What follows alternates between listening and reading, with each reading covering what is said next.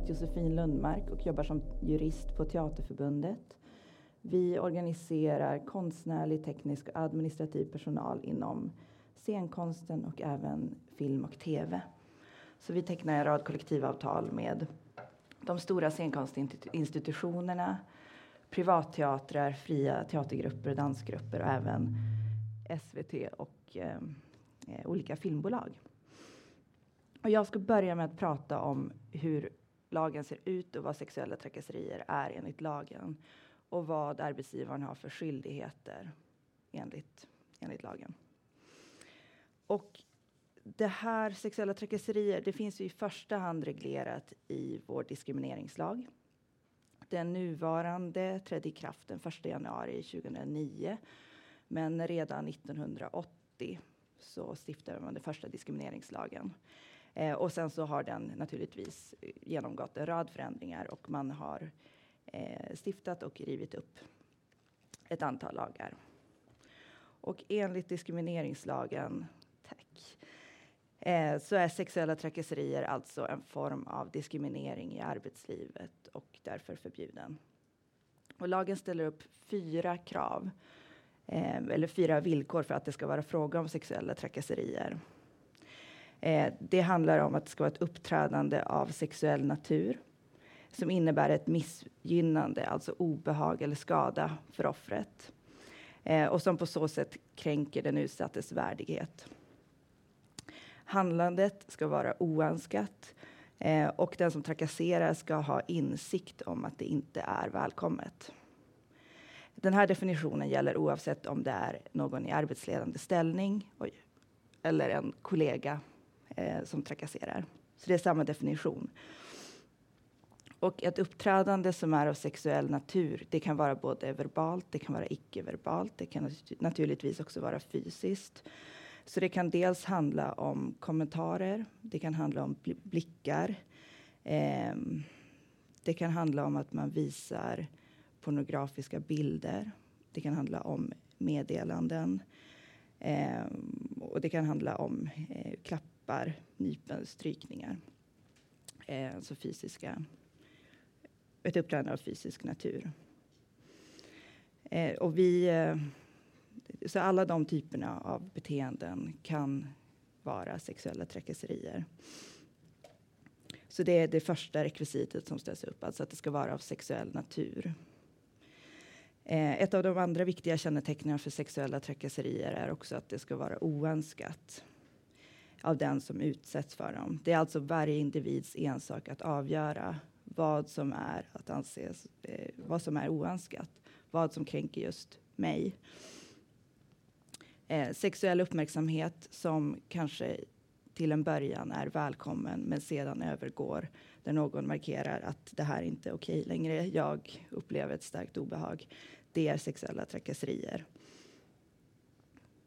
Eh, så det är att den sexuella uppmärksamheten inte är önskad. Det är det som skiljer sexuella trakasserier från handlingar som välkomnas och är ömsesidiga.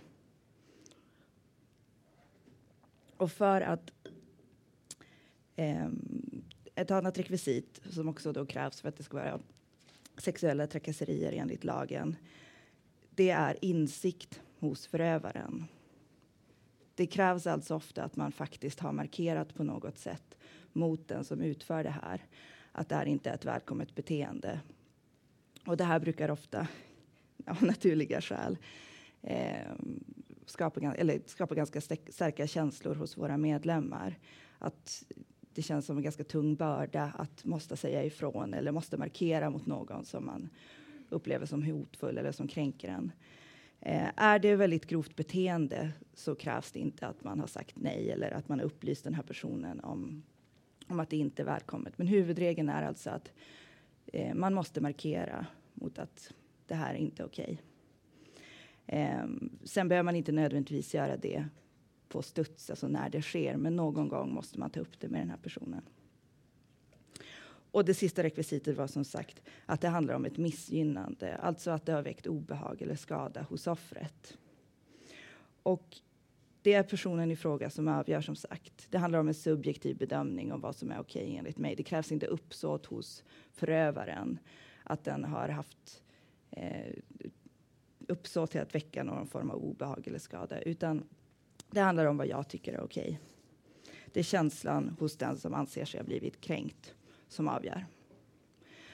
Och när man talar om sexuella trakasserier och lagstiftningen så eh, måste man också ta upp arbetsmiljölagstiftningen. Jag kommer huvudsakligen att prata om diskrimineringslagen och vad som händer eh, eller vad som ska hända enligt den när det uppstått trakasserier på arbetsplatsen.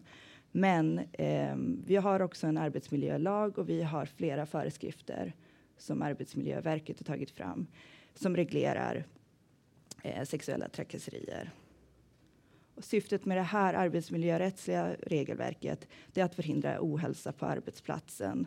Och en sak som man tar sikte på där, det är just kränkande särbehandling, alltså ett beteende eh, och handlingar som riktas mot en eller flera arbetstagare som är då menade att ställa dem eller som leder till att man ställs utanför arbetsplatsens gemenskap. Um, och sexuella trakasserier är en form av kränkande särbehandling. Så även här är man inne på arbetsmiljölagens område. Så vid sexuella trakasserier eller kränkande särbehandling så måste arbetsgivaren dels vidta åtgärder för att eh, motverka att det händer i framtiden, men man måste också agera i det enskilda fallet. Så vad måste då arbetsgivaren göra enligt diskrimineringslagen om sexuella trakasserier har förekommit på arbetsplatsen? Så snart arbetsgivaren får kännedom att det här sker så måste man eh, utreda frågan. Arbetsgivaren har alltså enligt lagen skyldighet att i första hand utreda vad det är som har hänt när den får kännedom om att någon på arbetsplatsen anser sig ha blivit trakasserad. Så en förutsättning för att arbetsgivarens skyldigheter enligt lag ska kicka igång, det är alltså att den får kännedom. Eh, att den får information om att någon anser sig trakasserad. Och den kännedomen eller den informationen behöver inte komma från offret, eh, från den person som anser sig ha blivit trakasserad. Det kan komma från en eh, arbetskamrat, det kan komma från ett skyddsombud, eh, det kan komma från en annan facklig företrädare. Det krävs dock att offret i fråga också bekräftar att man faktiskt anser sig ha blivit trakasserad för att arbetsgivaren ska kunna gå vidare. Eh, men det som är avgörande är som sagt att arbetsgivaren på något sätt eh, får reda på hur en person på arbetsplatsen har upplevt saken. Eh, så i, i det här första skedet så är det en helt subjektivt ingång i de här reglerna kring arbetsgivarens skyldighet. Det är först sedan när man har gjort den här utredningen eh, om man ska bedöma om man behöver vidta någon åtgärd som man eh, behöver göra en mer objektiv eh, bedömning. Men i det första skedet, skedet så går man på vad anser sig den som har blivit trakasserad ha upplevt. Arbetsgivaren kan naturligtvis få kännedom om att sexuella trakasserier finns på arbetsplatsen eh, genom sina egna iakttagelser. Eh, det finns alltså inget formkrav på, på en anmälan. Sen så kan det finnas rutiner på arbetsplatsen och det ska finnas rutiner på arbetsplatsen eh, som adresserar hur anmäler man, vem anmäler man till etc. Men eh, det finns alltså inget formkrav om det inte kommer till arbetsgivarens kännedom enligt rutinerna så måste man ju naturligtvis ändå ta tag i frågan.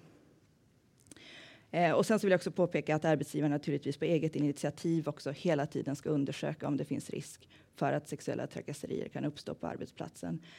Det är en del av det förebyggande arbetet enligt både diskrimineringslagen och arbetsmiljölagen. Så det ska också finnas rutiner på arbetsplatsen. En annan förutsättning för att ar arbetsgivaren ska agera. Det första var då att arbetsgivaren fick kännedom om att någon ansåg sig ha blivit trakasserad. Det är också att trakasserierna haft samband med arbetsplatsen. Det ska finnas en anknytning till arbetet. Det betyder inte att det måste ha skett på kontoret eller på arbetsplatsen. Det kan ha varit ute på en turné, det kan ha varit under en tjänsteresa, det kan ha varit under personalfest eller premiärfest. Eh, det kan alltså vara på en helt annan ort än arbetsorten. Men så länge det finns någon form av samband med arbetsplatsen så, eh, så måste arbetsgivaren agera. Även sexuella trakasserier som sker på fritiden mellan två som arbetar på samma jobb kan falla inom arbetsgivarens skyldighet.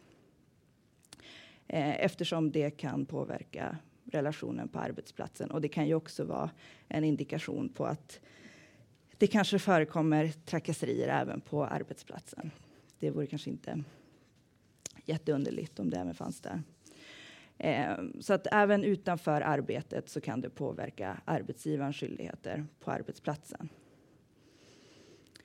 Och på arbetsplatsen ska det också finnas beslut om vem som ska svara för den här utredningen som måste göras när man får kännedom eller en anmälan om sexuella trakasserier.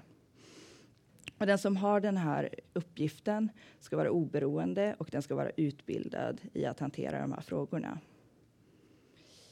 Eh, det här ska helst enligt kraven på aktiva åtgärder vara bestämt på förhand. Dels vem man ska anmäla till, men också vem som ska hantera sådana här utredningar så att man inte tappar eh, viktig tid och eh, skapar onödigt dröjsmål innan den här utredningen kommer igång. Så det ska finnas rutiner på arbetsplatsen kring vem som är ansvarig.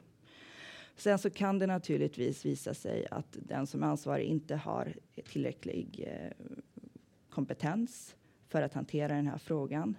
Och då får man ta hjälp utifrån, prata med företagshälsovården eller någon annan.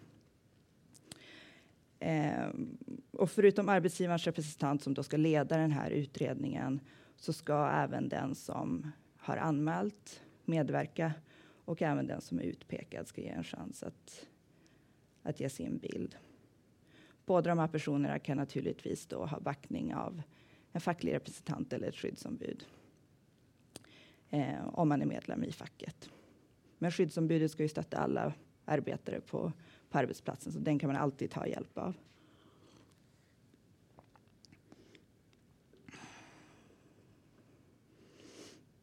Och enligt lag och praxis så ska arbetsgivaren utan dröjsmål genomföra den här utredningen eh, när man får kännedom om att någon anser sig trakasserad. Och vad utan dröjsmål betyder? Eh, vi brukar ge rådgivningen att det handlar om dagar, inte om veckor. Det ska, det ska handläggas skyndsamt, eller det ska utredas skyndsamt. Eh, Arbetsdomstolen har till exempel eh, slagit fast att en arbetsgivare som påbörjade utredningen drygt sex veckor efter man hade fått kännedom om en händelse hade dröjt för länge. Fråga, gäller det andra sorters trakasserier också? Det här du har pratat om? Ja, det gör det. det gör det. Men jag fokuserar på sexuella trakasserier, precis. Mm. Mm. Um, precis. Så ett par dagar kan man vänta, men sen så, så ska man agera. Eh, och det här är också sånt som ska framgå av rutinerna på arbetsplatsen. Då. Hur snabbt bör man bör man agera. Inom två veckor bör vara någon slags maxgräns i alla fall. Och syftet med den här utredningen då, det är att arbetsgivaren ska bilda sig en uppfattning om vad som faktiskt har skett. Och det betyder inte att arbetsgivaren behöver komma till slutsatsen att sexuella trakasserier har förekommit. Man kan uppfylla sin utredningsskyldighet även genom att komma fram till att det faktiskt inte har förekommit några sexuella trakasserier på arbetsplatsen. Men det krävs alltså att man utreder det och bildar sig en egen uppfattning. Är det så att man ändå kommer fram till att det förekommer trakasserier så har man en fortsatt plikt då att vidta åtgärder. Ehm, och i den här åtgärdsplikten så ligger det att eliminera allting som den här utredningen då visar och har identifierat som sexuella trakasserier. Så dels så handlar det om att arbetsgivaren i det enskilda ärendet måste agera. Eh, det kan till exempel handla om att eh, förändra arbetsuppgifterna eller flytta på en person eller så. Eh, prata med den som har gjort sig skyldig och klargöra att det här är absolut inte acceptabelt på arbetsplatsen. Men man måste vidta några åtgärder. Och man måste också informera både då offret och den utpekade om vad man, eller vad man kommer att eh, vidta för åtgärder. Om man kommer göra det alls. Eh, men sen så måste man också då titta på det övergripande och på det förebyggande arbetet. Hur har det här kunnat uppstå? Vilka rutiner måste vi ändra på på arbetsplatsen för att det här inte ska eh, hända igen? Så att den här åtgärdsplikten tar sikte både på det enskilda fallet och på det mer övergripande.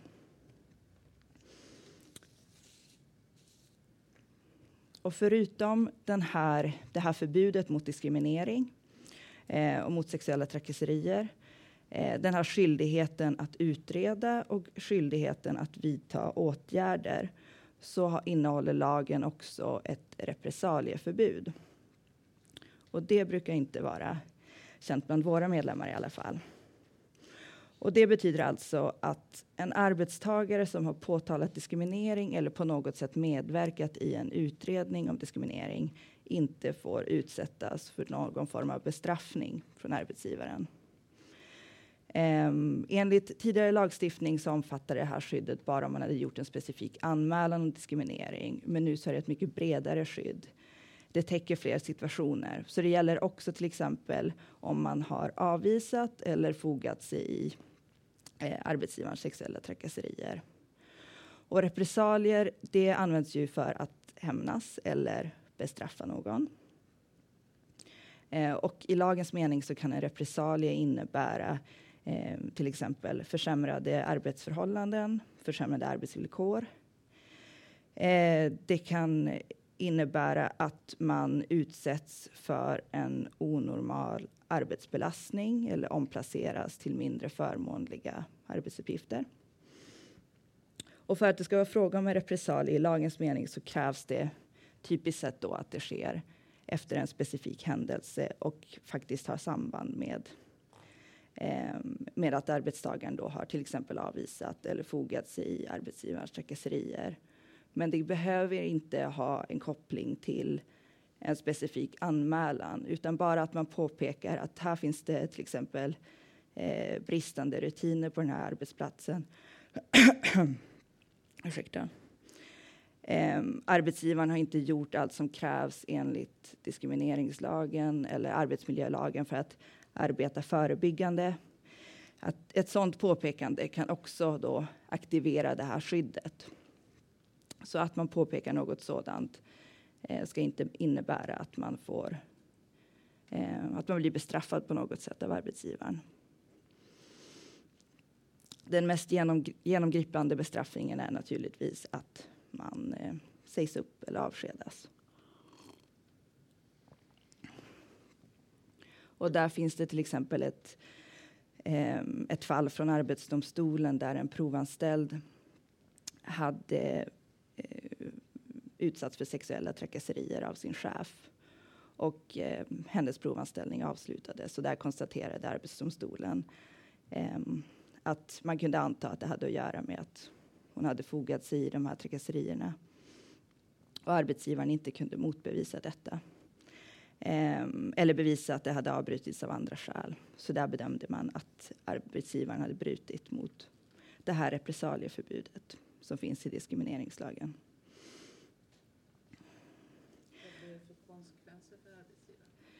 Eh, jag kommer till det, men det blir, man kan få diskrimineringsersättning.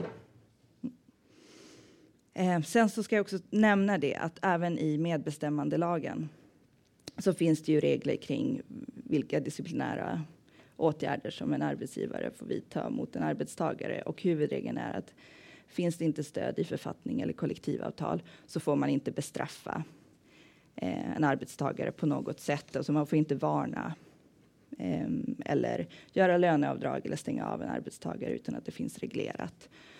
Så skulle en repressalie enligt diskrimineringslagen vidtas så kan det också vara brott mot, mot andra lagar.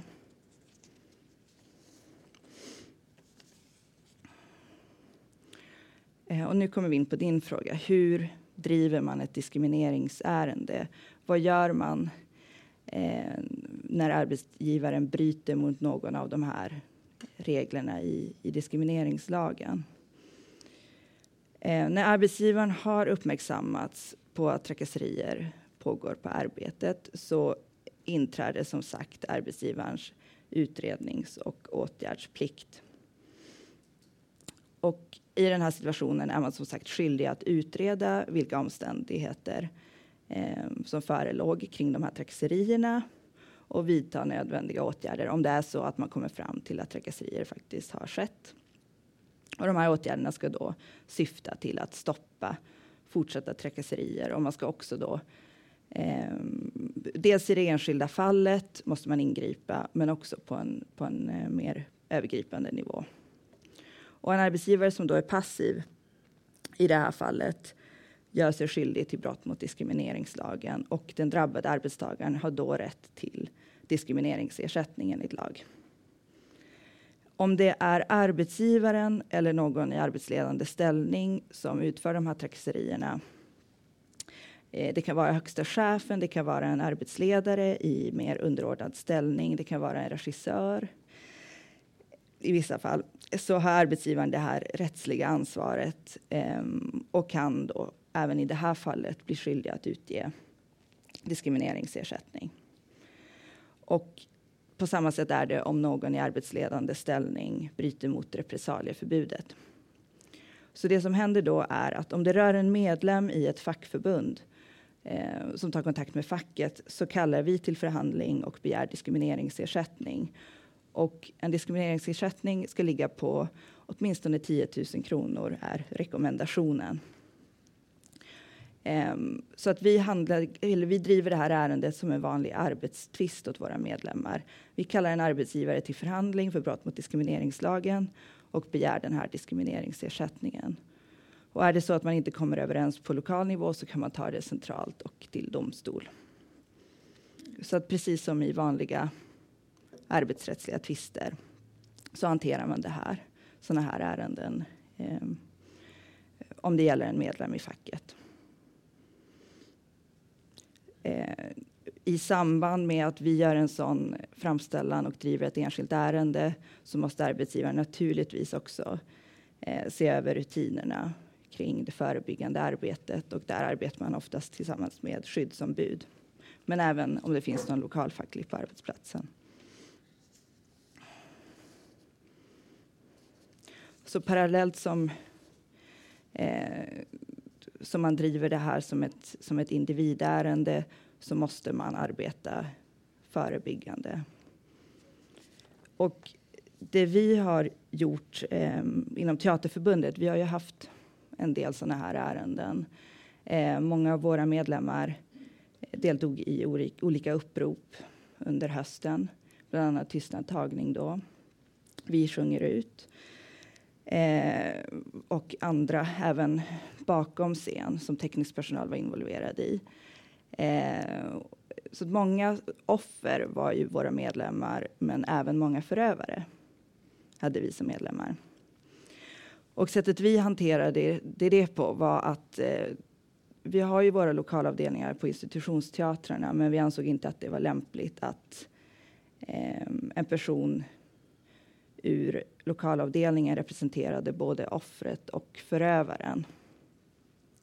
Utan eh, till exempel kunde någon från centralt håll, då, någon av juristerna på förhandlingsavdelningen kliva in ehm, eh, för, att, för att stötta antingen offret eller förövaren. För ofta så blir det också ett ärende kring vad som ska hända med den här som har gjort sig skyldig till trakasserierna. Eh, det såg vi i allra högsta grad nu under hösten och vintern. Att arbetsgivarna liksom, reagerade med de reagerade ganska drastiskt på de ärenden som kom upp då. Även om det kunde röra sig om eh, eh handlingar som låg väldigt långt tillbaka i tiden. Så sa man upp eller avskedade personer. Eh, och då blir det ett ärende där, där, där även facket måste, måste träda in. Eh, så att vi finns på båda sidor där eh, i alla de här olika ärendena som kan uppstå efter sexuella trakasserier. Sen så finns det ju preskriptionstider också i diskrimineringslagen. Och eh, vi kan egentligen inte gå längre tillbaka än två år. Och vi måste också väcka ett, ett, eller vi måste kalla till förhandling inom fyra månader efter att vi har fått kännedom om någonting. Um, så att ligger någonting längre tillbaka i tiden och det var ju också så under de här uppropen i höstas att väldigt mycket låg längre tillbaka i tiden. Um, så kan vi i regel inte driva det som ett diskrimineringsärende. Så det finns en viss preskriptionsfrist att förhålla sig till där. Eh, det är egentligen samma sak vad gäller om man vill eh, vidta någon åtgärd gentemot en enskild person som har gjort sig skyldig till, till trakasserier. Att även där finns det ju preskriptionsfrister. Eh, en arbetsgivare kan egentligen inte gå hur långt tillbaka i tiden som helst och bestraffa någon. Men det såg vi att även det händer nu efter metoo. Ehm, Mm. Så efter de här uppropen så öppnade vi en särskild eh, mejlkanal så att säga dit våra medlemmar kunde vända sig utifall att man hade blivit utsatt för någonting.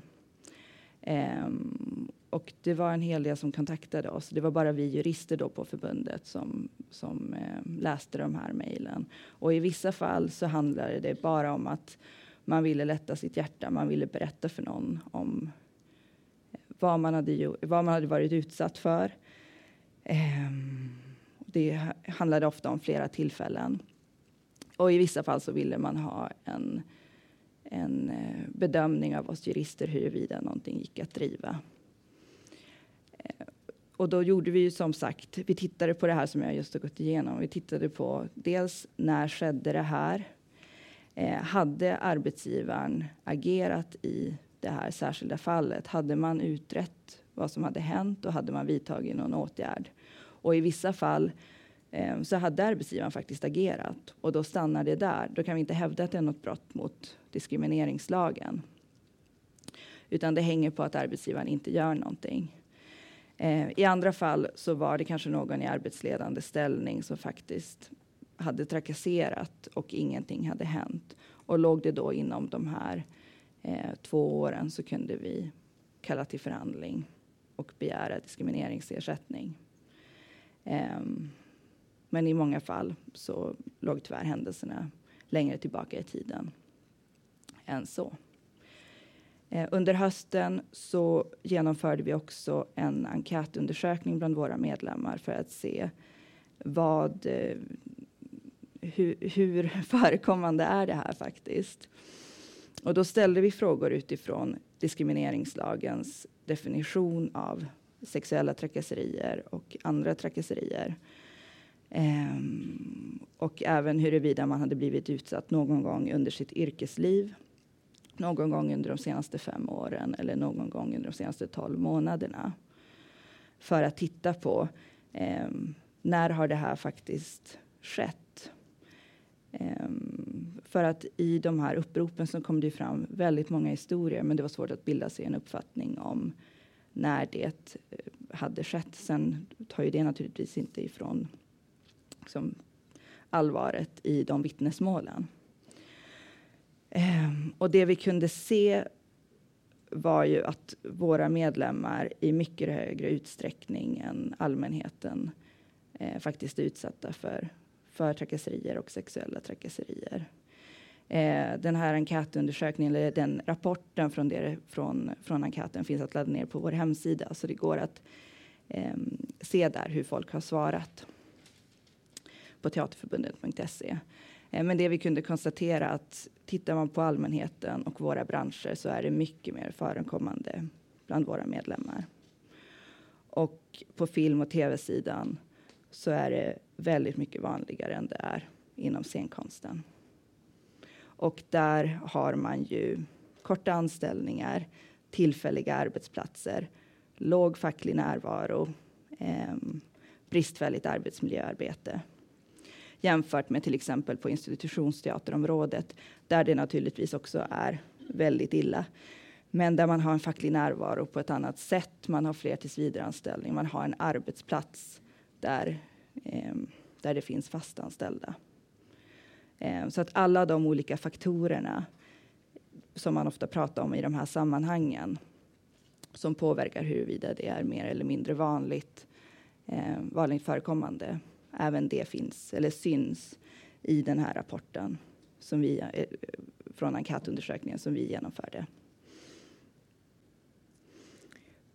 Just det. Ja, I samband med den här med de här uppropen i höstas så tillsatte vi också en partsgemensam kommission på scenkonstområdet eh, som bestod av fyra externa oberoende personer som inte har att göra med, med scenkonsten. Så det var Teaterförbundet och det var Svensk scenkonst eh, som tillsatte en oberoende kommission för att titta på vad, behöver, vad behövs göras i branschen för att komma till rätta med det här problemet. Eh, de har nu eh, offentliggjort sin rapport som också finns att läsa på vår hemsida. Och de pratar också väldigt mycket om eh, dels den här osäkerheten i anställningarna som i vissa fall går att komma åt och i andra fall eh, är svårare att angripa. De pratar om hierarkin inom eh, teatervärlden. Um, och även hur man använder den här konstnärliga friheten som ett sätt att värja sig mot, um, mot regler kring trakasserier och arbetsmiljöarbete. Eh, nu gäller det för parterna naturligtvis att komma underfund med vad, hur vi ska arbeta vidare med det här och vad vi ska göra för att komma åt det. Eh, på arbetsgivarsidan så handlar det väldigt mycket också om att utbilda sina chefer i hur man ska hantera de här frågorna. För det kunde vi också se i den här enkätundersökningen. Dels att det var väldigt få som anmälde till någon. Det var, jag tror att det var mindre än en tredjedel som, som berättade för chef eller fackligt förtroendevald att man hade blivit eh, trakasserad. Och av dem som faktiskt anmälde så var det bara tre av tio som var nöjda med hur arbetsgivaren hanterade den här, det här ärendet. Så det är ett väldigt dåligt betyg på hur, hur man tar om hand om sådana här trakasseriärenden inom scenkonsten. Ehm, och även på arbetsgivarsidan så kan man se att de efterfrågar utbildning i hur ska man faktiskt arbeta med de här frågorna. För även om man vet att okej, okay, enligt lagen så finns det en upplysnings eller en utredningsplikt och det finns. Eh, jag har den här skyldigheten att agera. Okej, okay, men vad ska jag göra? Eh, hur ska jag arbeta? Dels fortlöpande med det eh, och vad ska jag faktiskt göra när någonting händer? Eh, och inom scenkonsten så kan vi väl se att man ofta har anställt chefer som är väldigt duktiga på det konstnärliga. Eh, men kan, som kanske inte har jättemycket kunskap kring arbetsmiljöarbete eller andra delar eh, som faktiskt ingår i att vara chef. Så där finns det väldigt mycket att göra.